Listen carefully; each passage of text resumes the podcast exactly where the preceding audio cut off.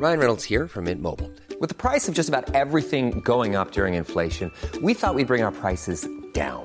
So to help us, we brought in a reverse auctioneer, which is apparently a thing.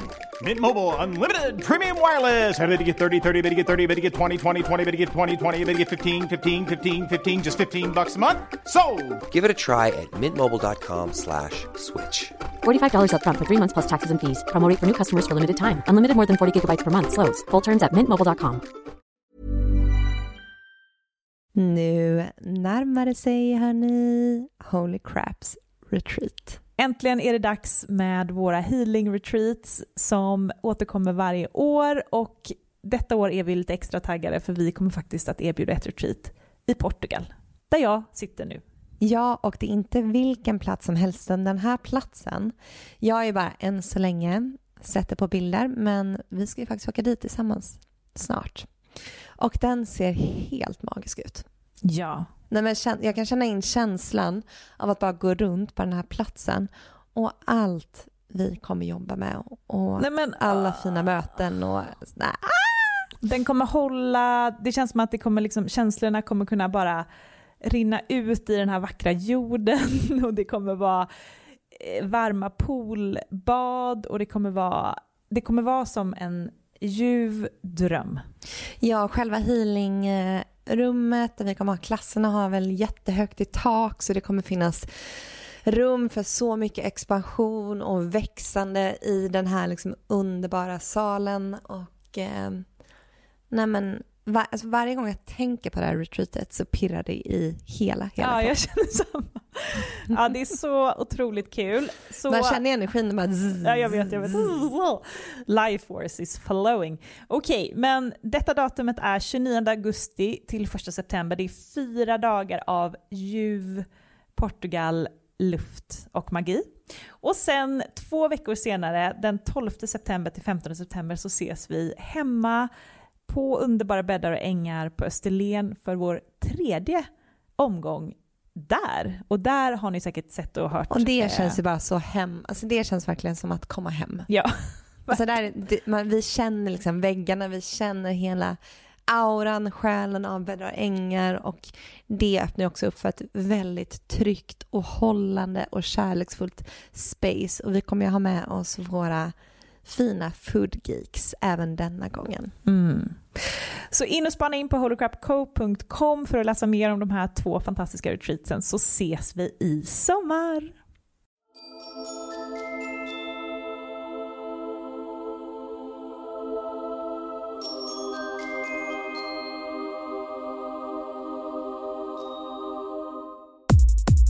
Varmt välkommen Kajsa Ingvarsson till Holy Crap Podcast. Tack, vad kul att vara här. Jättekul! Jag vet en lyssnare som är extra glad för det här. Shoutout till min mamma Oh. och hennes tjejkompisar som har en bokcirkel om din nya bok 12 nycklar till ett magiskt liv. Nej men gud vad underbart. Ja. Då säger jag jättemycket hej till den bokcirkeln också. Och det finns säkert många fler som har bokcirklar om den här fantastiska boken. Hoppas det. Hur känns det att eh, ha släppt den och hur har reaktionerna varit? Um, alltså jag har ju släppt många böcker och varje bok är liksom som en förlossning. Eh, jobbigt, jobbigt. Uh, massa så här, gud, har jag verkligen gjort allt jag kan? Och uh, blev det här rätt nu? Och jag läste nyss in den som ljudbok också. Och då upptäcker jag massa korrfel. Såklart. Så, nej, nej, nej. Eh, så att jag har en kritisk sida i mig. Mm. Och samtidigt är det ju otroligt roligt att få dela den. den här, alla böcker är speciella, den här boken är speciell för för mig är den en sorts sammanfattning av vad jag har hållit på med under väldigt många år. Och ehm, responsen var, först blev det liksom, hände ingenting. Och jag bara, men gud vad är det här, det är ingen som läser, vad händer liksom? Och Du släppte ju den i en bra tid, november va? Ja, november. Scorpio season. Mycket sånt, typ, typ sådana teman. Ja, Mm. okej, det där kan du. Mm. Ehm, men sen så, så kom det liksom, så bara rullade det in. Eh, och då har jag förstått på de som skriver att det här är inte en bok som man bara sträckläser, utan det här är en bok som man måste få ta tid. Liksom. Så att min rädsla var ju att, men gud, har, landar den inte? Men det var tvärtom istället. Att folk bara, wow, jag läser den här, jag läser så långsamt, jag vill inte att den ska ta slut. Jag liksom går tillbaka, jag läser högt för min man, är det flera som har sagt. Uh, så att, uh, jättefin respons hittills. Gud vad kul. Och jag, jag kan tänka mig, eh, när man ska sammanfatta någonstans, all kunskap som man har i sig. Mm. Att det kommer lite prestationstankar där. Ja, för det går ju inte. Nej. Så att någonstans måste jag ju backa tillbaka och säga att eh, det som ska vara med i den här boken, det är med i den här boken. Och det är inte den sista boken jag skriver förmodligen. Men eh, det har varit försök att sammanfatta så här långt av det som jag tycker är det väsentliga. Eh, och bara det att försöka definiera vad, vad är ett magiskt liv och eh, ja, vad handlar det om för mig? Hur kan jag få läsaren att förstå vad jag menar och känna en längtan till det också. Mm.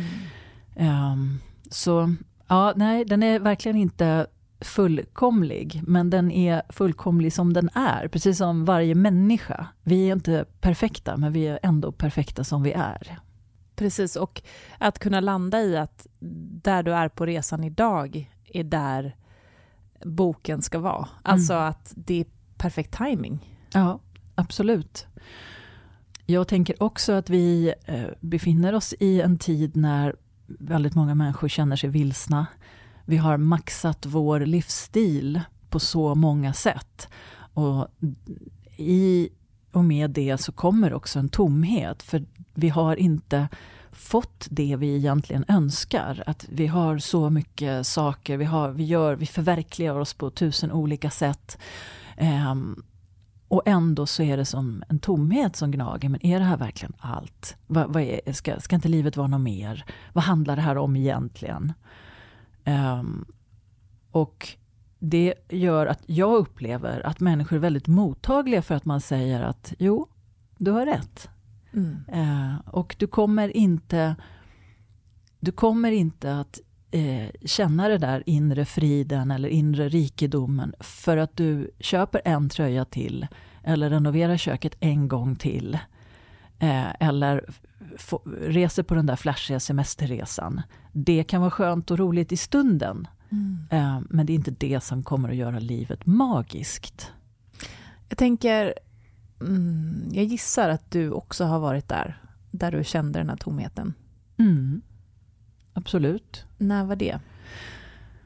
Eh, men jag har varit där flera gånger. Um, men jag hade ju en, innan jag började skriva den här typen av böcker så skrev jag romaner av lite mer traditionell karaktär.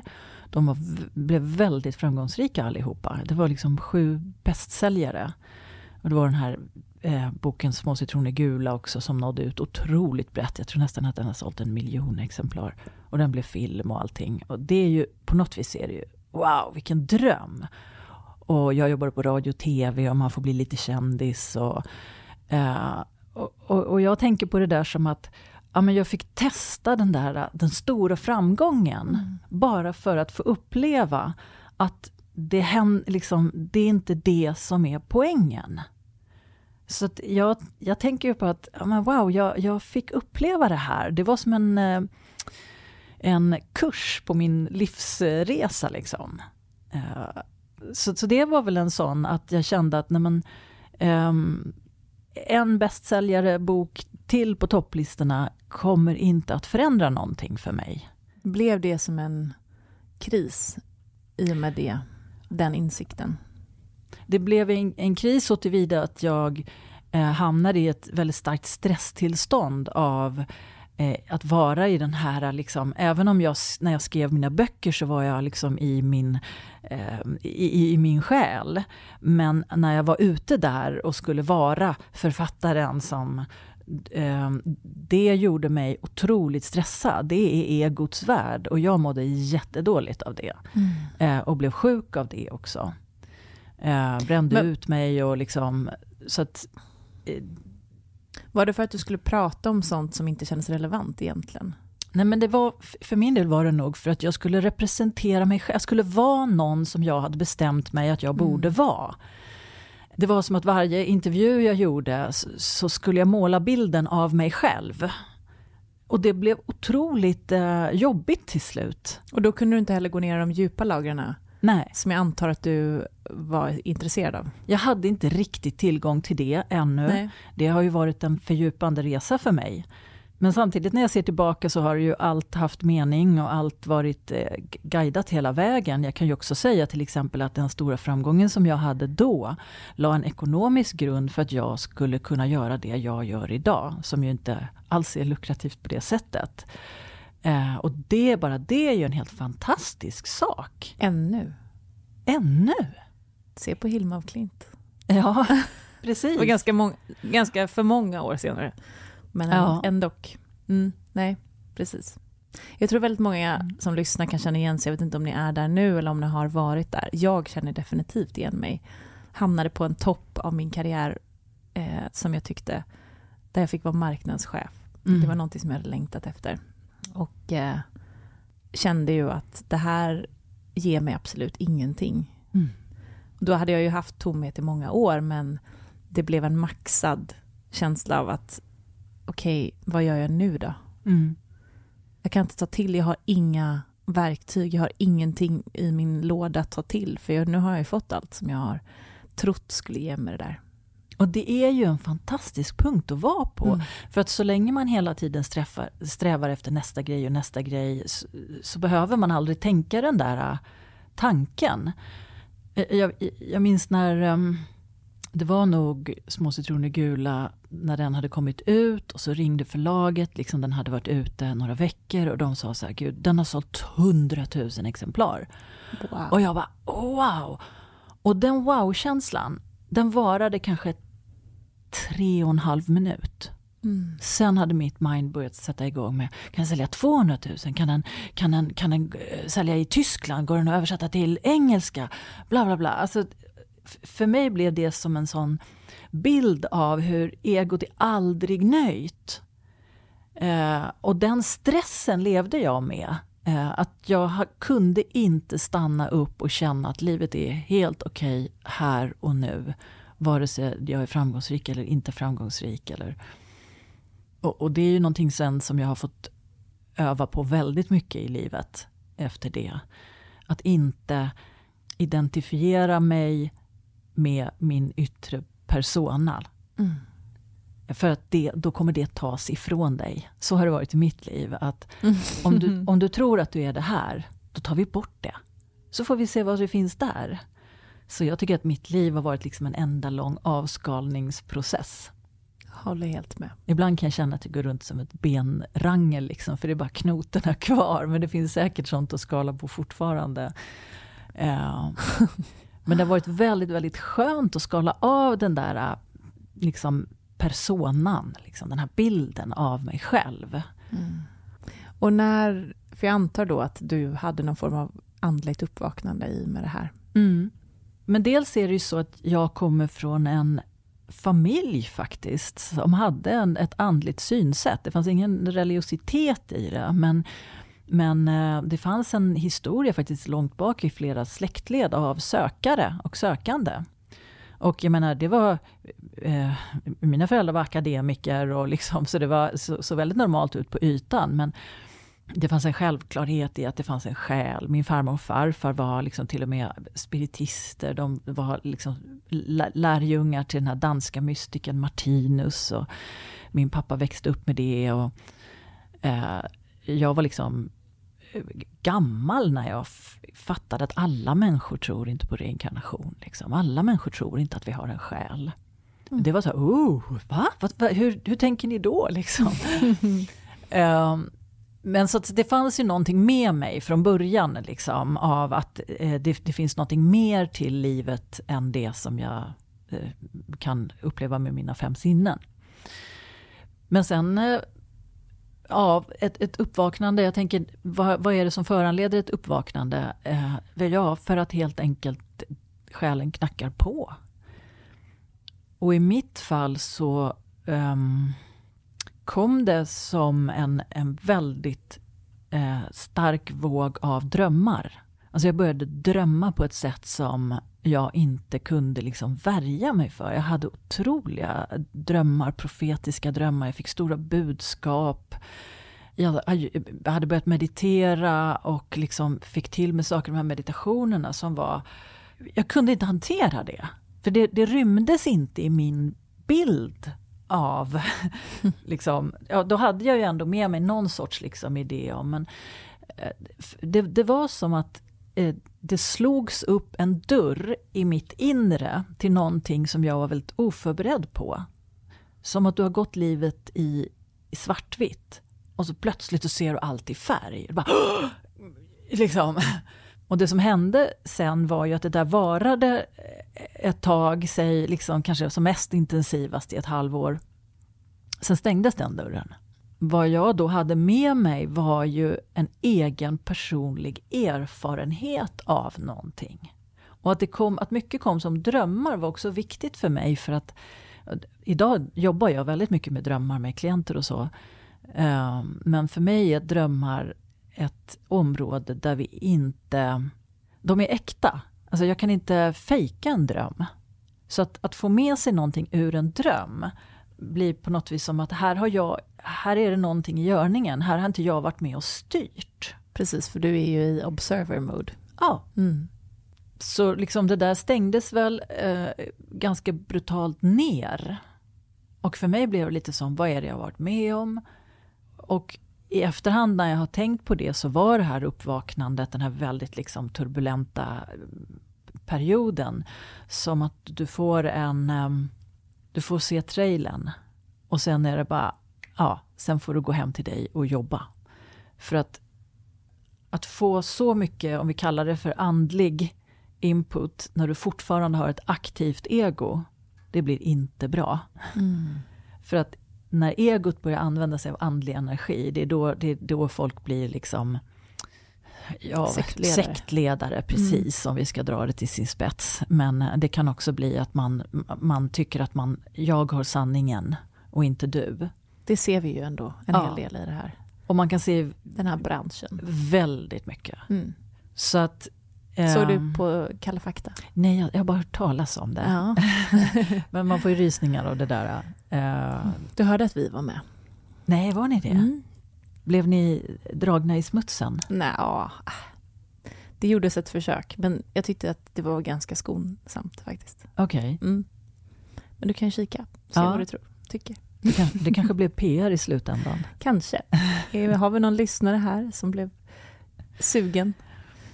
Mm, ja, men, eh, Nej, men det är ju kontroversiellt. Det, det handlar ju om det i alla fall. Och jag, det är väl bra att man gör en granskning av en bransch som är väldigt oseriöst. Och jag har stött på så många, jag själv hamnade också då, eh, när det här stängdes ner och jag hade varit med om någonting som jag visste var sant. Eh, och, och, då dök det upp en person som liksom började säga, ja men jag har, jag kan, jag vet liksom. Och, och då blev jag eh, jag blev en följare mm. en tid. Eh, och det var en väldigt, väldigt obehaglig upplevelse. Eh, och det var en person som inte hade liksom koll på sitt ego. Så det mm. lärde jag mig jättemycket av. Eh, att det finns bara en enda referens som är sann och det är hur upplever jag det här i mig. Mm. Och det är någonting som jag kommer tillbaka till i mina böcker, i min undervisning, i liksom kurser, allting hela tiden.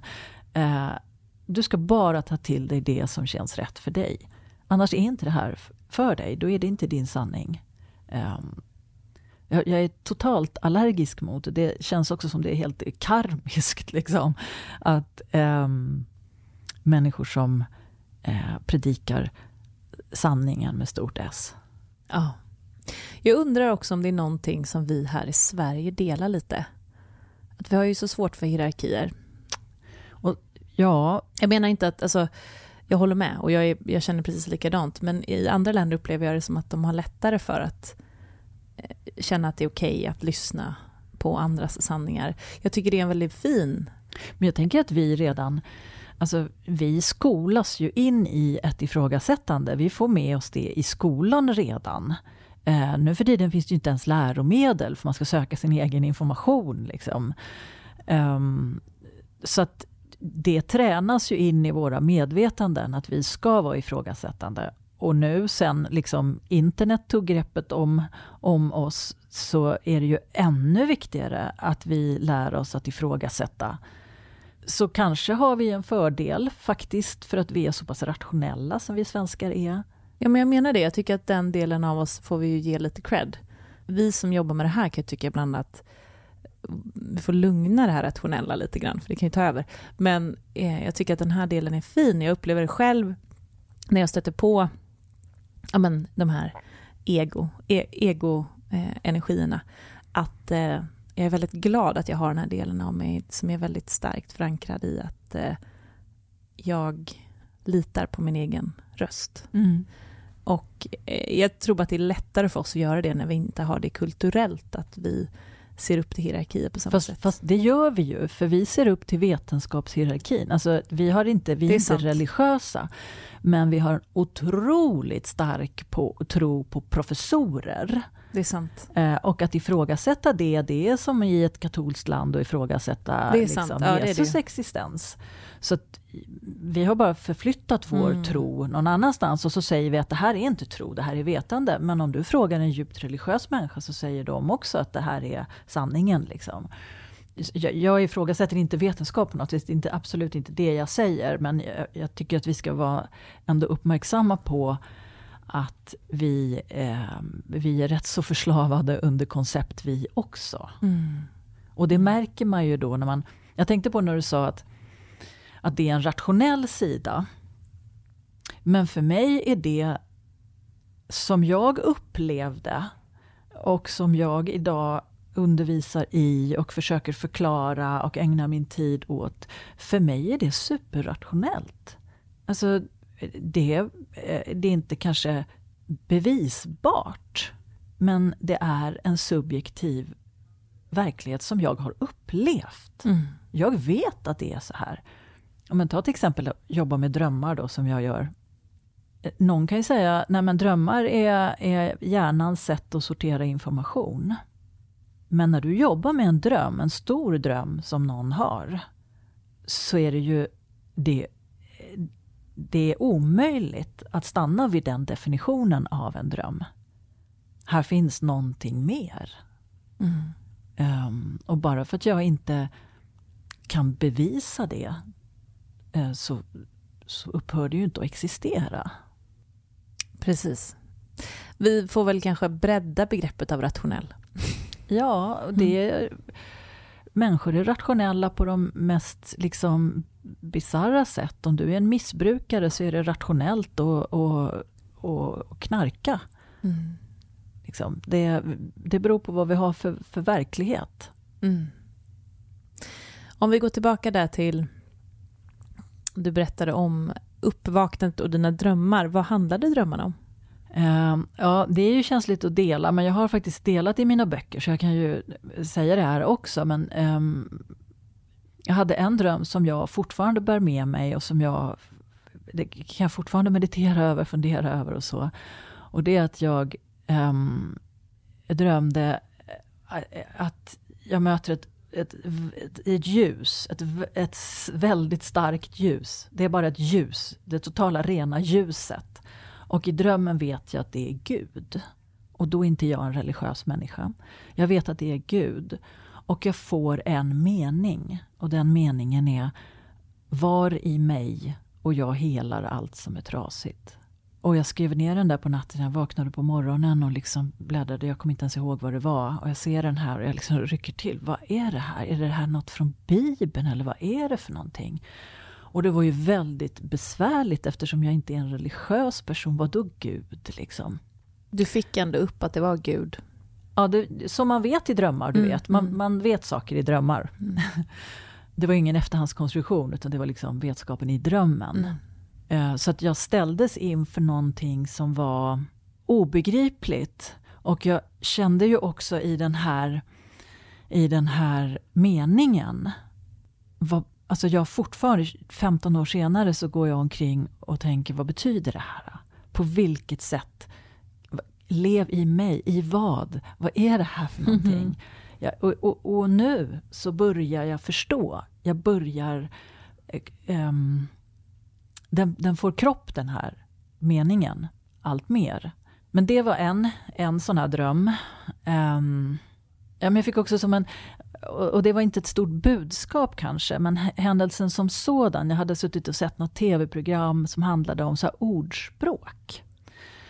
Eh, på tv. Och jag tyckte det var lite roligt. Jag pratade med min man och sa så här, ja, man undrar hur ordspråk egentligen kommer till. Liksom. Tänk, man kunde få, tänk man kunde få mynta ett ordspråk. För någon måste ju någon gång, första gången, ha sagt att det är bättre med en fågel i handen än tio i skogen. Mm. Liksom. Vem sa det första gången?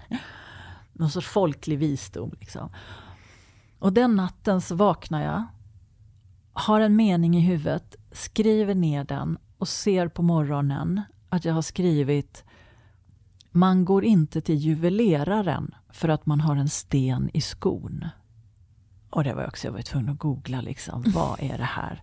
Du vet, man inte ens kommer ihåg att man har skrivit ner det, för att du gör det när du är så liksom, mitt i natten och så bara vaknar till. Och, och den där meningen, jag fortfarande funderar jag på, exakt vad betyder den? Är det att man inte ska göra en höna av en fjäder eller är det liksom, ah, är det något, ja.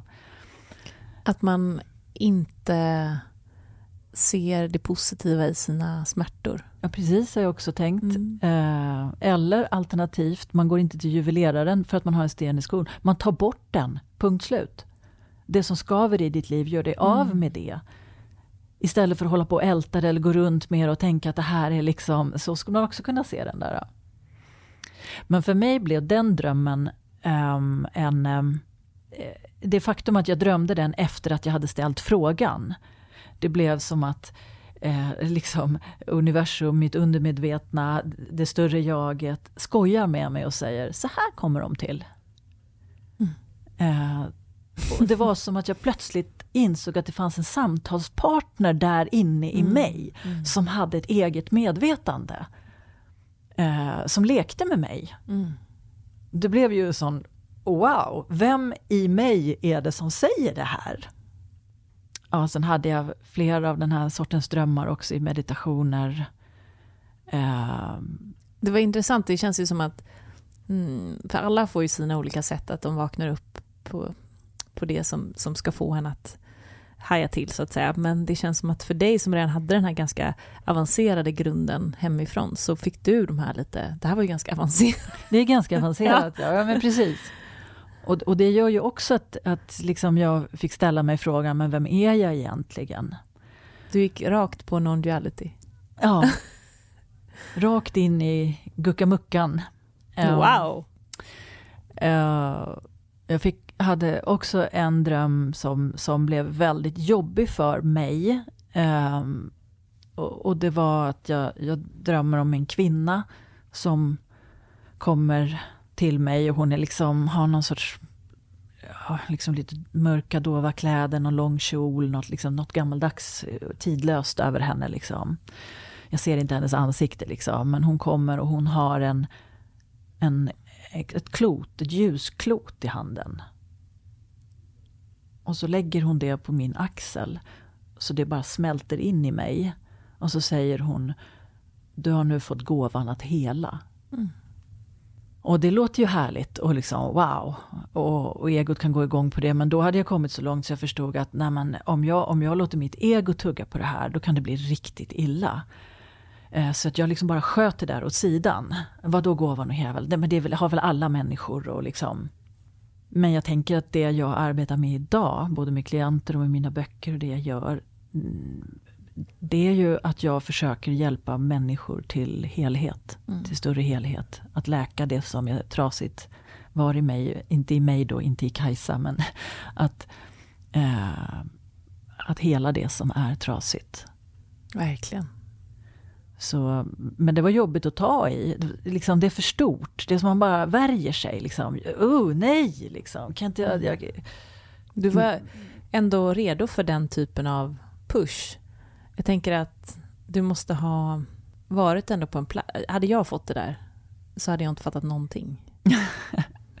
Nej, och jag hade ju liksom... Eh, jag, jag, jag, ser ju hela livet liksom som en sorts utbildningsresa. Jag hade till exempel gått i jungiansk terapi i några år, så jag var ju van att hantera drömmar. Um, jag förstod Mm. värdet av drömmar. Då förstår jag att det kom på det sättet ja. Ja, så jag hade redan drömmar som ett kommunikationsmedel, Ja, ja, ja. ett verktyg i min låda. Så det var kanske ingen slump att det kom som drömmar. Och det var också, för mig var det så viktigt att de här sakerna kom som drömmar därför att jag kan inte styra mina drömmar. Det här kommer från en källa som ligger bortom min kontroll. Och sen vet jag att det blev ganska mörkt en period. Ja, det är faktiskt flera perioder som har varit Mm. mörka. Vad låg smärtan i? Ja, jag vet inte om du tänker på den perioden eh, nu här, eh, för inte så länge sedan. Ehm, Mm. Jag har ju liksom varit utmattad och utbränd i liksom lite omgångar genom livet. Men jag gick in i ett väldigt, väldigt svårt och stort mörker eh, runt 2015, 17 någonting. Där jag eh, blev kvar i många, många år. Eh, där jag liksom i princip är ganska färsk upp ur, ur det mörkret. Eh, som jag kanske definierar som underjorden eller som själens mörka natt. Det finns en massa orsaker till det. Man kan titta på dem liksom, man kan titta på det från hälsosynpunkt eller från kroppen eller liksom stress eller eh, hormoner eller men när jag zoomar ut och tittar på det så var det för att jag behövde skala av allt som inte var jag. Och då blir det det här som jag sa förut att då tas allt ifrån dig. Och jag tror inte att det är en väg som alla människor behöver gå. Men jag tror att vissa människor har i sitt, i, i sitt liksom, i sin blueprint att göra en sån resa. För man kommer också tillbaka med insikter och visdomar. Det är ju liksom det du får med dig. Om du inte dör på vägen, för det är också farligt att vara i det där mörkret. Förhoppningsvis är det sånt som man kan dela med sig av. Så ser jag det, att vissa själar går igenom väldigt svåra prövningar för att kunna dela med sig, att ge tillbaka. Jag tror också att det verkligen är så att du har bestämt dig någonstans, kanske innan eller under livets gång, över att du ska gå den här resan mot expansion. Mm. Och då kommer du att ta, då kommer du tas på en resa mot expansion. Och Ja. det är ju eh, intressant för att jag upplever att livet är otroligt mycket rikare när man gör den här resan, men det, det är ju också otroligt smärtsamt. Mm. Har du någon gång känt att det inte är värt det? Oh ja, Mm. oh ja, gud. Oj, oj, oj. Det finns eh, en miljard tillfällen när jag hade bytt ut eh, all visdom i världen mot eh, bara att få må bra. Men ehm, inom liksom andliga kretsar eller vad vi ska säga så finns det ju mycket lullull. Det ska vara mysigt och vi ska ha kristaller och vi ska eh, andas och vi ska liksom åka på retreats och det ska vara kumbaya och systerskap och gudinne, eh, eh riter och ceremonier och God knows liksom. Uh, been there, done that. Men för mig, det som blir kvar när jag kom upp igen ur underjorden, eh, det är en, en, vad ska vi säga, en ren visshet om vad det är att vara jag. Och det har ingenting att göra med kristaller och änglar och spöken och någonting. Jag, eh, jag har också kristaller hemma, men jag går inte omkring och tror att de är magiska. Eh, utan jag vet vem jag är. Eh, och det är där magin finns. Inte i vad vi omger oss med. Utan ju djupare jag känner mig själv, desto mer magi eh, kan jag ge kropp åt. Mm. Kan du sätta ord på vad du kom tillbaka med? Tänk att det ändå det, är det du kan. Ja, jag, jag, jag, kom, Du är jag, duktig kom, på att sätta ord på. jag kom till exempel tillbaka med eh, 12 nycklar Ja. Till ett magiskt liv. Mm. Den är ju, en, eh, den är ju ett fysiskt resultat av det som jag har hämtat hem och sammanfattat. Mm. Och eh, jag tänker, för som sagt, det är inget fel på den där ytligare nivån och det är också en ingång i för många Mm. att mm, utforska någonting i sig själv. Men samtidigt är det också många som blir kvar där. Det är förföriskt att vara i den världen. Och prata om spöken och änglar och auror och liksom massa sådana saker. det blir som den här eh, the spiritual ego. um, och det, det, när allt kommer omkring, som jag ser det, så, så är det hur vi lever våra liv som spelar någon roll. Hur mycket självkärlek kan jag ge mig? Hur mycket eh, kärlek kan jag sprida till andra människor? Eh, hur mycket empati kan jag eh, ge, ge rum åt och, och kraft åt? Och att, att, eh, att få andra människor att känna sig sedda och förstådda eh, var någonting som jag också tog med mig jag blev också varse liksom, när jag var i det mörkaste att det fanns ett fåtal människor runt om mig som kunde hålla mig där. Och det var samtliga var människor som själva hade erfarenheter av det slaget. Mm. Medan det föll bort otroligt många eh, liksom ytligare bekanta. Och jag kan se, jag, jag, är inte jag är inte arg för det, för jag kan se att de hade verkligen ingen resonans. Och förhoppningsvis kan man få ge tillbaka mm. av det eh, någon gång. Mm. Men så det kom jag tillbaka med. Jag kom tillbaka med den här nyckelknippan och också känslan av... Jag hade ju hållit på att skriva jättelänge. Jag har ju hållit på med det här hur länge som helst. Um, Just den här boken? Nej, den här boken... Faktum var att jag faktiskt fick idén för typ åtta år sedan. Uh, och uh, tänkte att jag skulle skriva den och sen så kom det av sig och sen så blev det den här väldigt långa mörka perioden. Och uh, nu när jag väl skrev den så förstod jag ju att det hade blivit en helt annan bok mm. om jag hade skrivit den då. Mm. Så, så, att jag är ju glad att jag liksom väntade in tajmingen, eller det var så livet ville. Mm. Vad använder du dig för verktyg för att komma tillbaka från det här? Uh, jag fick ju använda den första nyckeln i boken. Uh, om vi pratar lite om den. Den första nyckeln är ta hand om dig. Mm. Och det var uh, det absolut viktigaste för mig då. Jag behövde ta hand om min hälsa. Och ta hand om min, min människa liksom. Um, och det handlade väldigt mycket om att förstå vad stress är. Att förstå hur nervsystemet fungerar.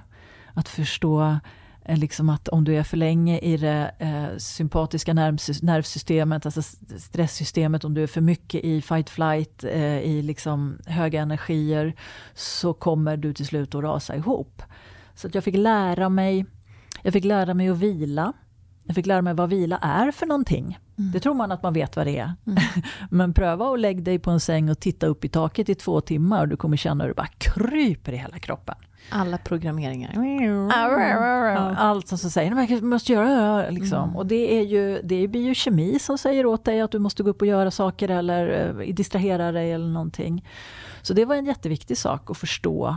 Eh, jag fick lära mig, liksom, jag blev tvungen att lära mig om nervsystemet, om det hormonella systemet. Eh, förstå vad stress egentligen är. Eh, vi kan, alltså, man kan nästan kokettera lite med att man är stressad, man har mycket att göra. Liksom. Men stress är farligt. Mm. Vi är gjorda för att uppleva stress i väldigt korta stunder. När man flyr från någonting. Men när vi, som vi har liksom eh, programmerat in i våra liv, att vi lever i konstant stress det blippar och det blinkar och vi måste kolla uppdateringar. Och, äh, det blir man sjuk av. Mm. Det är en trist sanning, men så är det. Mm. Det sätter sig på sömnen, det sätter sig på äh, din förmåga till återhämtning. Det, det verktyget fick jag, fick jag verkligen eh, jobba mer med. Och, och det här ta hand om dig så kommer ju också in eh, nyckeln eh, ge rum för stillhet att förstå värdet av stillhet. Mm. Det är, stillhet är inte detsamma som att göra ingenting. Stillhet är en egen storhet. Det, en, det finns en valör i stillhet. Om du förstår vad jag menar? Ja, det är fint att du säger det, för jag tänker att man kanske ska faktiskt eh, branda om det namnet till någonting som eh, handlar om inre ut, liksom, inre upptäckande. Eller... Ja, jag, jag tänker att det är så yin-aspekten. Mm. Eh, om man säger att yang är aktiv och utåtriktad och rörelse Och så, så, då brukar man säga att yin är passiv. Och i vår värld så låter ju det otroligt negativt. Men vi kan också säga att yin, alltså den feminina aspekten då i, i, i kinesisk eh, tänkande. Att yin är urskiljande. Och Mm. för att vara Mm. man kan spegla det faktiskt i spermien och ägget. Spermien den rör sig framåt mot ägget, så här, den ska befrukta ägget. Liksom. Och de bara oh, framåt, framåt, framåt, framåt, framåt. Och då har vi fått lära oss i skolan att den som kommer först vinner ägget. Eh, Så, så får man lära sig i skolan. I själva verket är det så att det kommer fram ett antal kandidater som fäster sig på äggets yta. Och sen är det ägget som bestämmer Ja, vilket hon hört. släpper in. Och hon gör det, hon släpper in den som har en kärna som är identisk med hennes kärna. Och så hon är den urskiljande. Jag, jag tänker, nu blir det en utvikning här, men jag tänker bara vilken otrolig skillnad om barn och unga redan i skolan fick lära sig att det är inte så att killarna bro- brottar sig fram och, och vinner och prinsessan sitter där och bara säger åh äntligen är du här. Utan att det är hon som väljer. För det, det sitter så djupt i våra könsroller liksom. Nej. Ja. ja.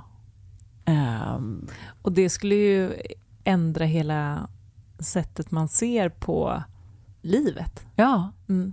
Och också på det här då, det som kallas för passivt. Tänk om det passiva är ett observerande och urskiljande istället.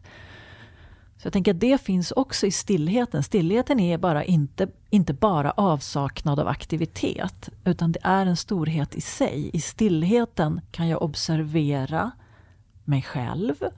Jag kan urskilja vad som har värde. Jag kan avfärda det som, jag, eh, som inte har värde, som inte betyder någonting eller som är negativt för mig. Och ladda ner Och ladda ner. massa spännande nya grejer också. Ja. Så det är inte helt, alltså det är passivt men det är också ganska aktivt på ett sätt. Att du kan, eller du, pass, du är passiv mottagare bara av det Och så som är- kommer. Så- är det verkligen inte. Man är inte passiv mottagare, utan man är urskiljande i den viloaspekten. Och det är inte bara, man säger att yin är den feminina aspekten, men den finns ju i män, precis som yang, den maskulina rörelseenergin, finns i kvinnor också. Så det är inte...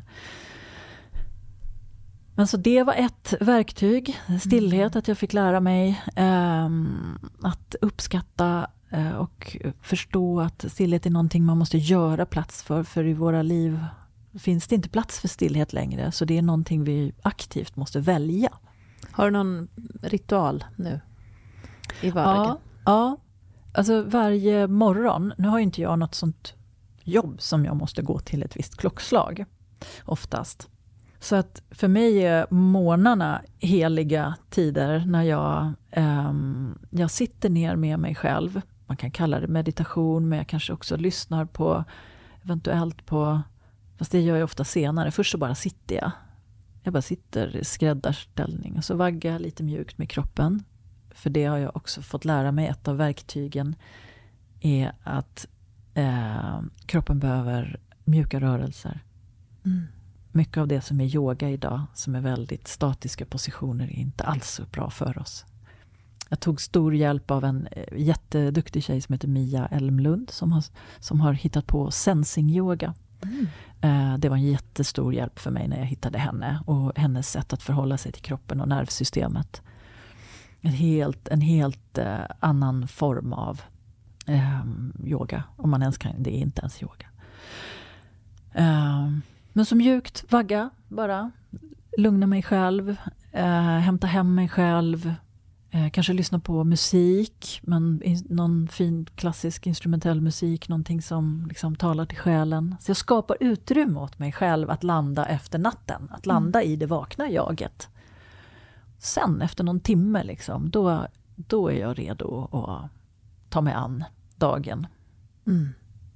Så också bara liksom dricker lite grönt te, käkar ingenting den där första timmen eller så. Utan jag, jag bara, det är som att hämta hem sig själv från en annan dimension. Alltså Mm. påminna sig själv om att vänta, här är kroppen, här är jag, nu är jag visst här. Liksom. Mm.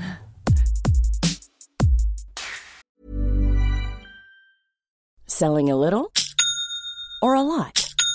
Shopify helps you do your thing however you cha-ching. Shopify is the global commerce platform that helps you sell at every stage of your business. From the launch your online shop stage to the first real life store stage, all the way to the did we just hit a million orders stage. Shopify is there to help you grow. Shopify helps you turn browsers into buyers with the internet's best converting checkout. 36% better on average compared to other leading commerce platforms because businesses that grow grow with Shopify. Get a $1 per month trial period at shopify.com/work. shopify.com/work. One size fits all seemed like a good idea for clothes Nice dress. Uh, it's a it's a t-shirt. until you tried it on. Same goes for your healthcare. That's why United Healthcare offers a variety of flexible, budget friendly coverage for medical, vision, dental, and more. So, whether you're between jobs, coming off a parent's plan, or even missed open enrollment, you can find the plan that fits you best. Find out more about United Healthcare coverage at uh1.com. That's uh1.com. Jag tänker att vi kan gå tillbaka lite till, för att det här skiftet gjorde från att vara romanförfattare och kändis och inte för att du inte är det fortfarande så att säga, men, eh, men det här lite mer kommersiella, Mm. till att du började skriva mer spirituella böcker, mer Mm. utbildande böcker. Eh, jag antar att det inte var helt oproblematiskt. Nej, det var det verkligen inte. Eh, Alltså det som hände var ju att ehm, eh, liksom världen vände mig ryggen. Mitt förlag ville inte ha det. Min dåvarande agent ville inte jobba med det här. Eh, min man tyckte jag var galen. Är ni fortfarande ihop? Ja, faktiskt. Snyggt. Ehm, så det, det fanns, eh, jag, jag, jag stod ändå på mig. Jag gjorde det jag visste att jag skulle göra. Jag hittade en förläggare som ville ge ut det här. Vi gjorde jättefina böcker. Det är den här trilogin om hjärtats väg. Mm. Vad som hände var ju också att läsarna försvann.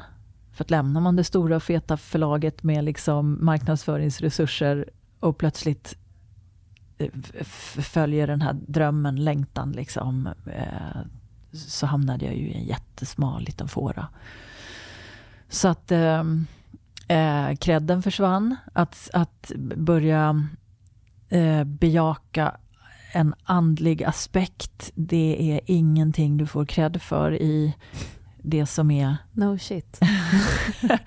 Tvärtom, det misstänkliggörs, det är pinsamt, det är konstigt, det är liksom suspekt på alla sätt och vis. Och trots att jag har verkligen, verkligen bemödat mig om att försöka hitta ett språk för att tala om de här sakerna som är, liksom det är sekulärt, det är inte new age Jag har verkligen jobbat med att försöka skapa böcker för människor som inte känner sig hemma i de världarna. Liksom.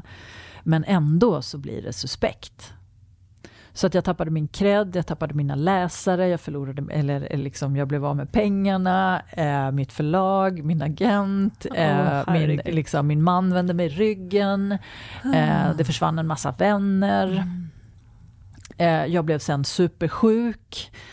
Eh, så ja, nej, det har inte varit någon... Dans på rosor. nej. Nej. Och ändå så vet jag att jag hela tiden har eh, gjort det jag ska. Ja. Och det är en märklig paradox att det kan vara så. ja. Vad, hur känns det inombords då? För där Nu, eller då. under... Jag förstår att det under tiden Ja. var... Jag var Svart. arg. Ja. Alltså jag var så arg på... Jag var arg på att världen inte förstod. Eller jag var... Um, det- I början hade jag mycket aggressivitet i mig och jag tänker också att det krävdes för att göra den här totala om från någonting som du har fått otroligt mycket bekräftelse för i form av, av liksom berömmelse, pengar, läsare, cred, status eh, till någonting där det där tas ifrån dig. Det fanns en ilska i mig som jag har fått lov att jobba med. Liksom. Men jag, jag tror också att den där svängen krävde mycket energi, att jag anammade liksom mycket energi. Och en del av det var nog också, jag ska visa dem Ja. energi. ja. Den är ju den bästa. Ja, det, men, Shit vad man kan ta sig långt på den här. Man kan ta sig långt men den är ju också eh, förtärande om du stannar med den. För, för den, den kan bli bitter. Absolut, men jag ser, man ser ju på karaktärer i samhället att den är en eld som många drivs av. Ja. ja.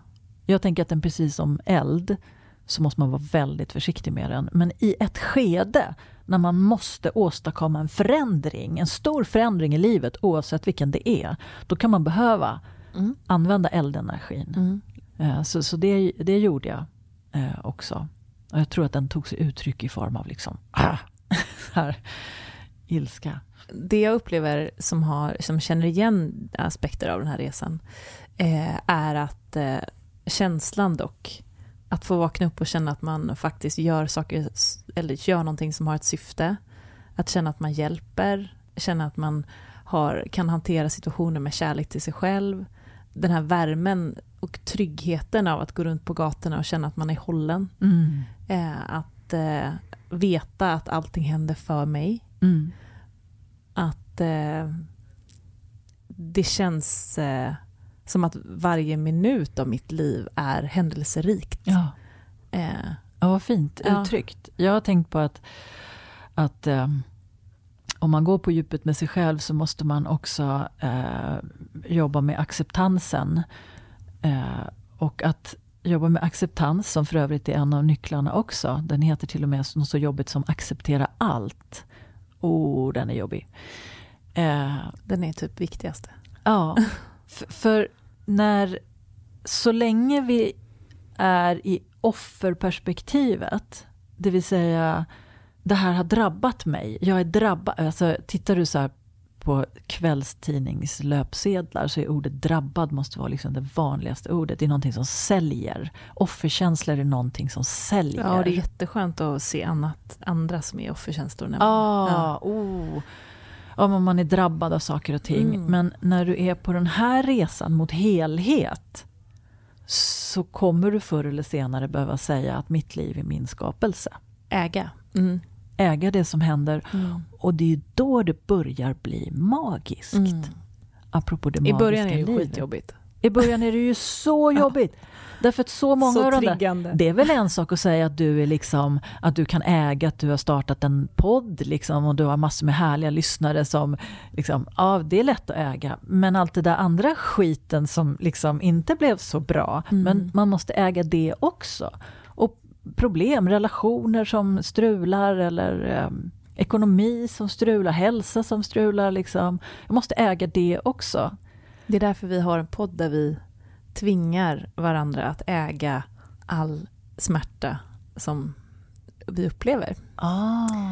För det är mycket det vi gör i den här podden, att vi är väldigt transparenta med ah. det som gör ont och även det som såklart eh, kommer på andra sidan. Men det som gör ont och det som känns och det som jag har skapat. Mm. Eh, och att verkligen visa på att det finns ingen annan som... Jag, jag kan inte skylla Nej. det här på någon annan än att jag ska uppleva den här eh, situationen. För det, det magiska som inträffar när man börjar äga sitt liv fullt ut, det är ju att jag också börjar förstå att allt som ligger framåt är mitt också att förfoga Exakt. över. Exakt, och då får man kontroll. Eller, eh, ja, jag tyckte att det var härligt att känna att eh, jag kan, jag är skaparen. Mm jag har möjlighet att faktiskt påverka mitt liv. Och saker kommer alltid att hända oss. Jag tror, från ett perspektiv kan man säga att ja, men jag är alltid energi, eh, jag skapar allt. Men man behöver inte ens gå så långt, för man kan säga att saker kommer alltid att hända som jag inte kan kontrollera.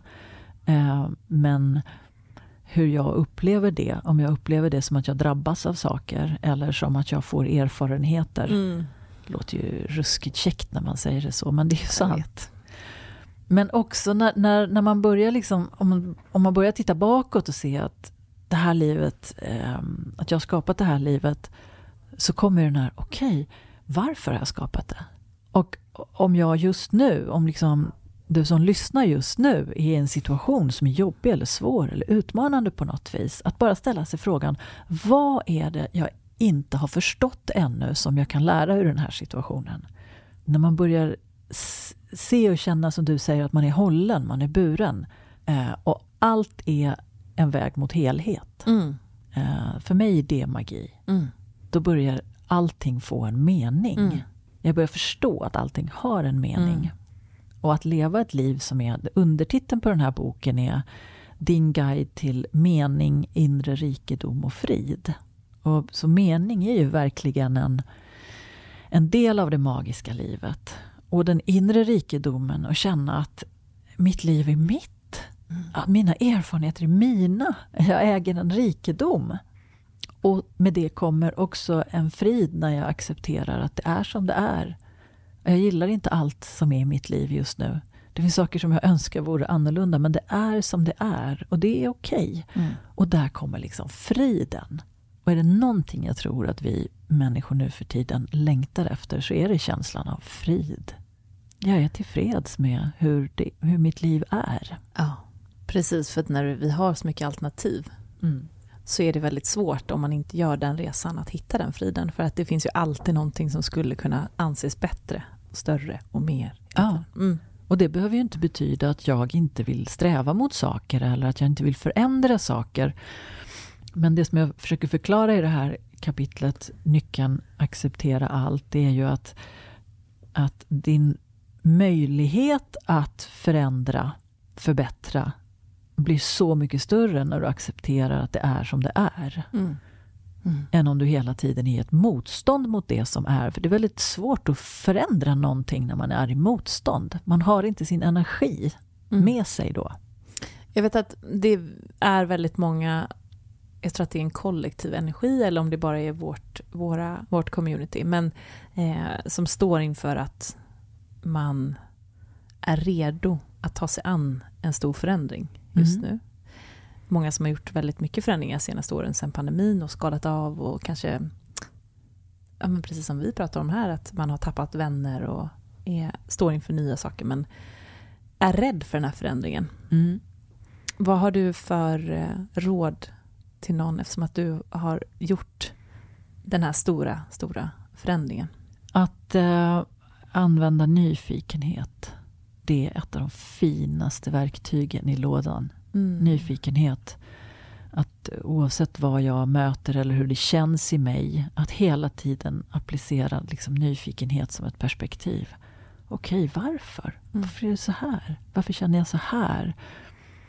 Vad är det i mig som rör på sig? Varför blev det så här?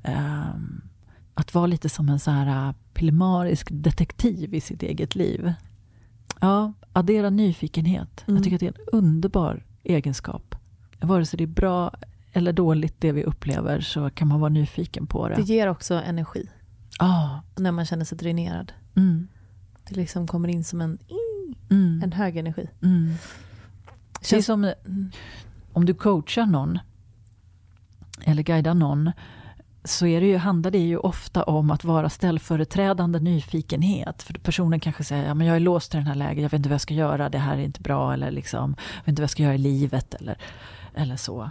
Och då är man ju där och hjälper till och säger, varför, varför, varför tror du det är så? Eller mm. vad är det du längtar efter då? Eller hur känns det i dig när, när du upplever det här motståndet?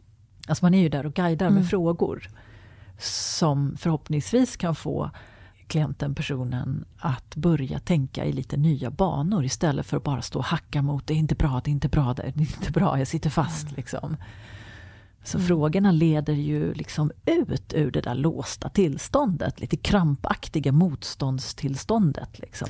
Och det är också att när man applicerar nyfikenhet så tar man automatiskt en observerande roll. Mm som är väldigt hälsosamt att se på. Jag vet att när jag lyssnar på tidigare intervjuer med dig så har du, hör jag ju att du använder arketyper och du använder mycket olika delpersonligheter och sånt för att just kunna komma ut i en observerande roll. Det är ju väldigt mm. smart mm. verktyg.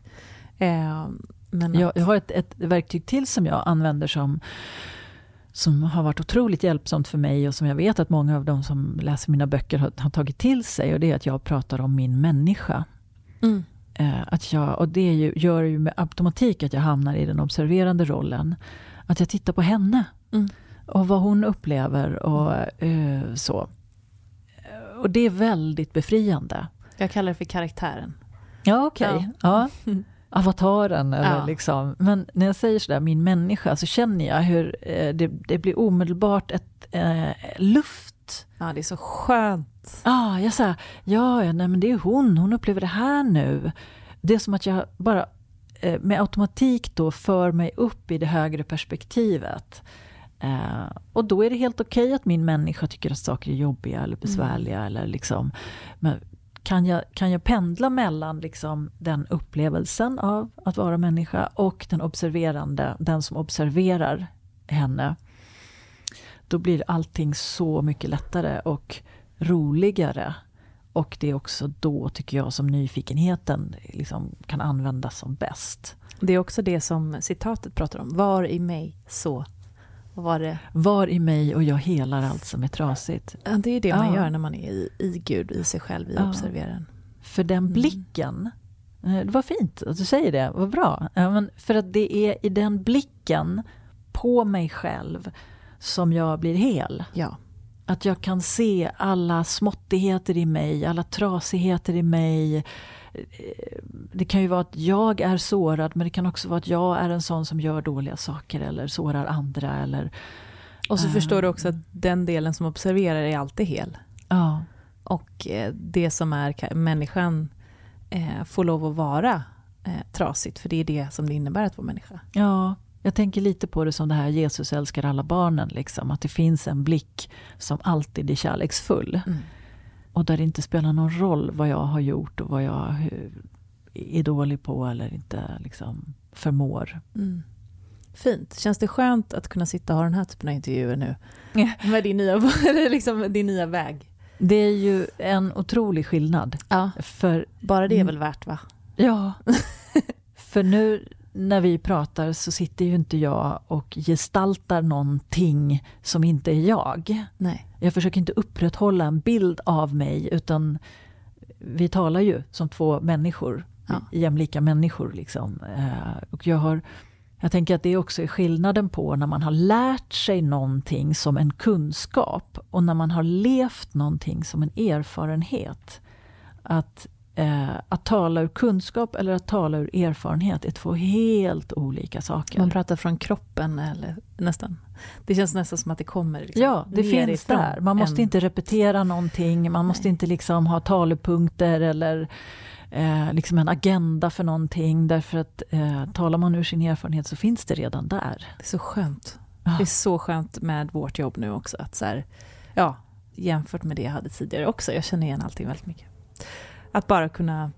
Var trygg. Det, det, bli, det kan inte bli fel. Nej, häftigt. Ja. Och boken den finns ju där böcker finns. 12 nycklar till ett magiskt liv. Och det är en bok som jag eh, hoppas verkligen kommer ingjuta hopp Ja. och eh, mod och eh, längtan också. Att det här är roligt, att det här ger livet, att det liksom börjar gnistra. Mm. Eh, det är ingen trist pricka av-lista att jag måste äta broccoli och göra sit-ups. Liksom. Fast det kan man göra det också om man vill det. Eh, utan det är en lustfylld resa mot helhet. Mm. Och det här är också en bok, tänker jag, som man kan ge bort i present till någon som är nyfiken. Eh, för att den är väldigt konkret men ändå också väldigt djup. Ja, vad fint. Eh, jag tänker på att en, en, en fin komplimang jag ibland får av kvinnor som läser de här böckerna, det är att de säger att ah, men den här boken skulle jag till och med kunna ge till min man.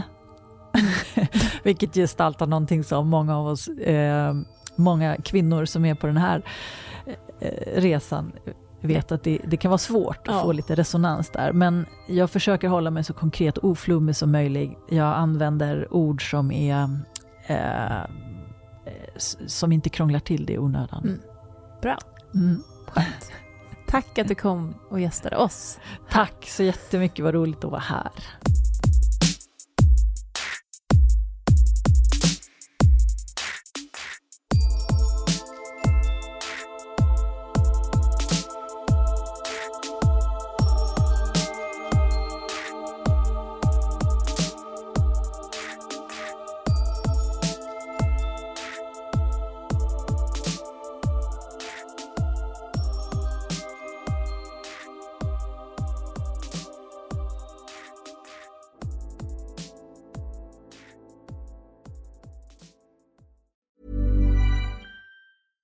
Ever catch yourself eating the same flavorless dinner three days in a row?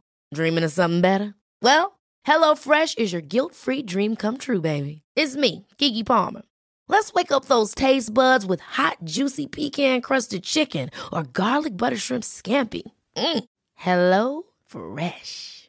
Stop dreaming of all the delicious possibilities and dig in at HelloFresh.com. Let's get this dinner party started.